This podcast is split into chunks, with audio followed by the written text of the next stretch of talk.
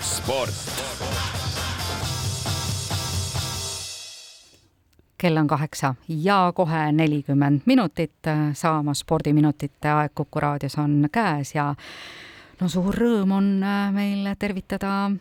vähemalt spordiminutites täiesti uust, uut spordimeest, Karl-Mihkel Eller, tere hommikust! ja tere hommikust! no igati kogenud spordimees tegelikult loomulikult kõik juba teavad, aga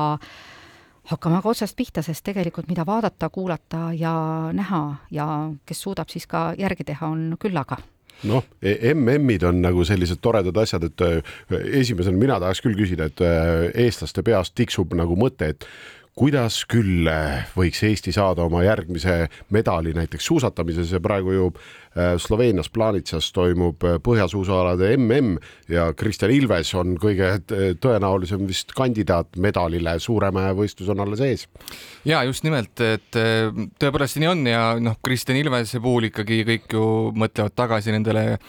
noh, kas nüüd kuldsetele, aga pronksistele Allar Levandi aegadele, et see kõik on nagu silme ees ja sellel nädalavahetusel tõepoolest ikkagi ajalugu võib juhtuda, et seda pinget on siin nüüd kruvitud kõvasti, et nädal tagasi, kahekümne viiendal veebruaril sai siis Kristjan Ilves MM-il kuuenda koha, tegi oma par karjääri parima tulemuse siis normaalmäe võistlusel ja nüüd siis nädal hiljem toimub tema järgmine start ja seda tegelikult juba homme. nii et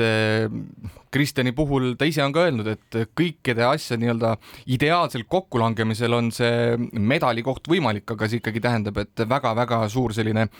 noh, eneseületus tuleb natukene ka teha kindlasti hüppemäel, aga ikkagi väga-väga hea hüpe teha ja no eilsed äh, treeninghüpped ka ikkagi näitasid tegelikult, et, et kõik mehed, kes seal need medalinõudlijad on, on tegelikult heas vormis, et kedagi alahinnata ei saa ja no ütleme, et kui esikolmikusse Kristjan tuleks, siis ikkagi tuleks tõepoolest nii-öelda kaabut kergitada ja, ja ikka aplodeerida kõvasti, aga aga ka see, et ta nüüd esikuuikusse tuli nädal tagasi, et see kindlasti mingis mõttes vähendab ka neid pingeid, et noh, sul on üks tulemus kirjas ja ja ta isegi ütles, et nüüd saab võib-olla natukene pingevabamalt minna uuesti hüppemäele ja ja no kahevõistlus kahest alast koosneb, et siis hüppemägi on Kristjani selline trump olnud siin aastate jooksul. nüüd võib-olla viimane aasta ei ole nüüd see nii hea olnud, samas jällegi suusarajal on ta näidanud väga nii-öelda plahvatuslikku jõudu, et ka siin nädal tagasi selles eh, normaalmäe võistlusel just nimelt suusarajal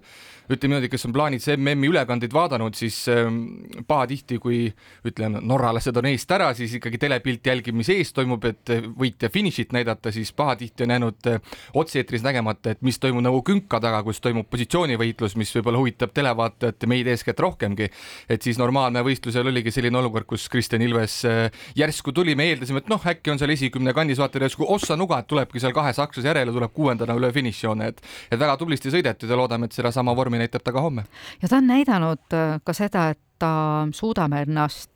täiesti tühjaks sõita, et ta paneb ikka nii, et lõpuks ongi no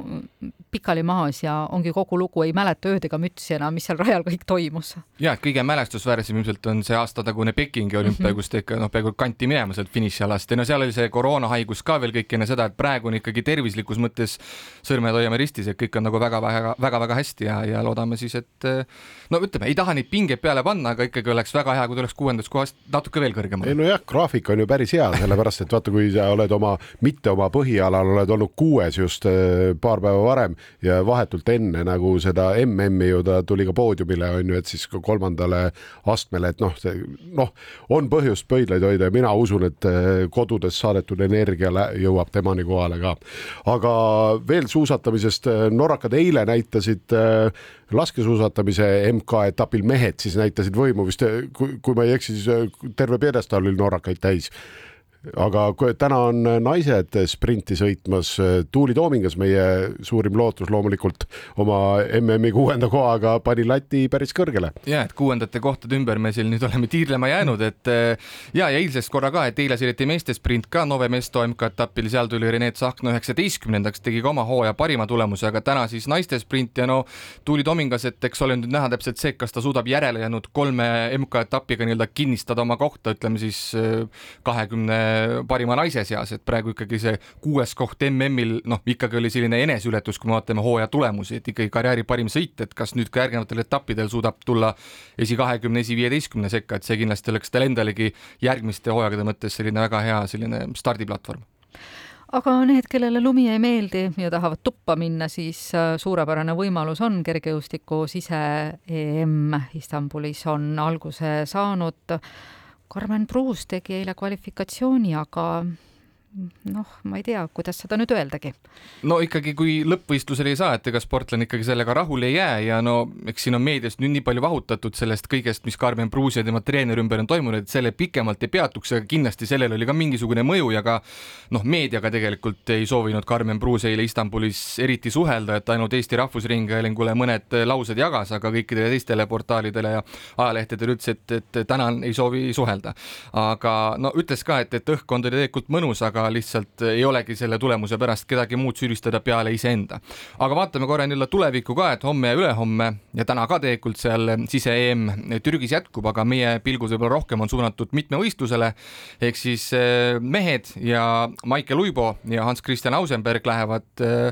väga hea õnne korral ikkagi medalit püüdma, et kas mõlemad eestlased medalimängu sekkuvad, see saabki siis homme-ülehomme selgeks, aga noh, ütleme nii, et kõiki neid tulemusi vaadates ja arvestades, mida just nimelt Uibo eelnevalt on oma karjääri jooksul korda ka saatnud, siis noh, ütleme nii, et ühe medali võiks ikka koju tuua, aga jällegi mitmevõistlus, kõik need alad tuleb kokku panna ja näiteks just nimelt Hausenberg on see mees, kellel kõikide nii-öelda alasid eraldi vaadates on väga head tulemused, aga sellist seitsmest alast kokku tulemust panna on olnud päris keeruline. kuidas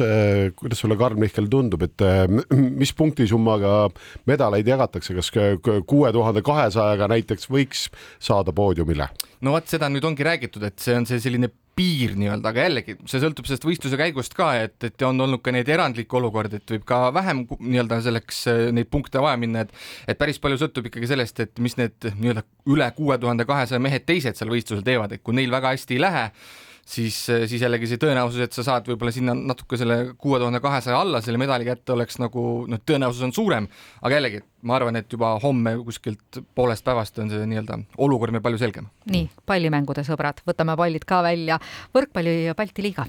ja võrkpalli Balti liiga Final Four, eesti keeli siis nelja meeskonna finaalturniir aset hakkab leidma homme-ülehomme Tartus ja esimeses poolfinaalis vastamisi Eesti klubid. noh, suur favoriit Tartu Bigbank, siin on Eesti võrkpallimaastiku valitseja ikka olnud juba viimastel hooaegadel, aga ikkagi üllataja, kes pääses nelja parema sekka, on Pärnu. aga ikkagi kunagine Aavo Keele juhitud klubi on väga kõrgel tasemel, tänavu oli ta ikkagi selgelt viimane, ikkagi punane altern selles liigas, aga üllatas. veerandfinaalis alistas Selver TalTechi küll lõpus kuldses game'is, aga alistas ja pääses poolfinaali. no Tartu alistamine on nüüd ikkagi oluliselt suurem pähkel, aga Pärnu on nii kaugele välja jõudnud, teises poolfinaalis on Läti klubid, nii et üks on kindel, et pühapäevases kell viis algavas finaalis üks Eesti klubi vähemasti on ja, ühe Läti klubiga vastamisi läheb ja neid kohtumisi näitab ka Duo viis ja Postimees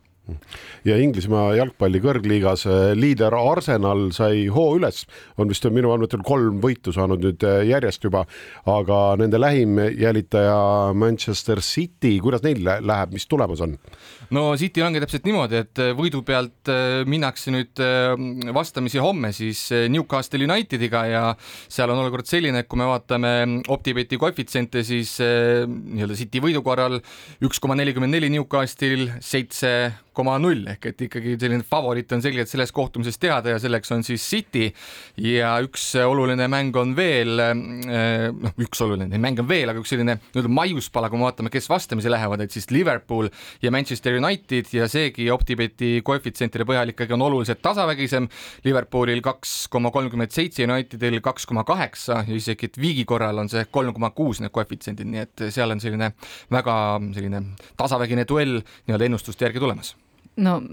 tulevad sellised päevad, et äh, ma ei saa öelda, et sa oleksid meie elu lihtsamaks teinud, et tuleb kõvasti sporti vaadata, võib-olla jõuab ise ka natukene teha, oleks hea. aitäh, Karl-Mihkel Eller äh, stuudiosse tulemast ja äh, toredat tugitooli sportimist. sport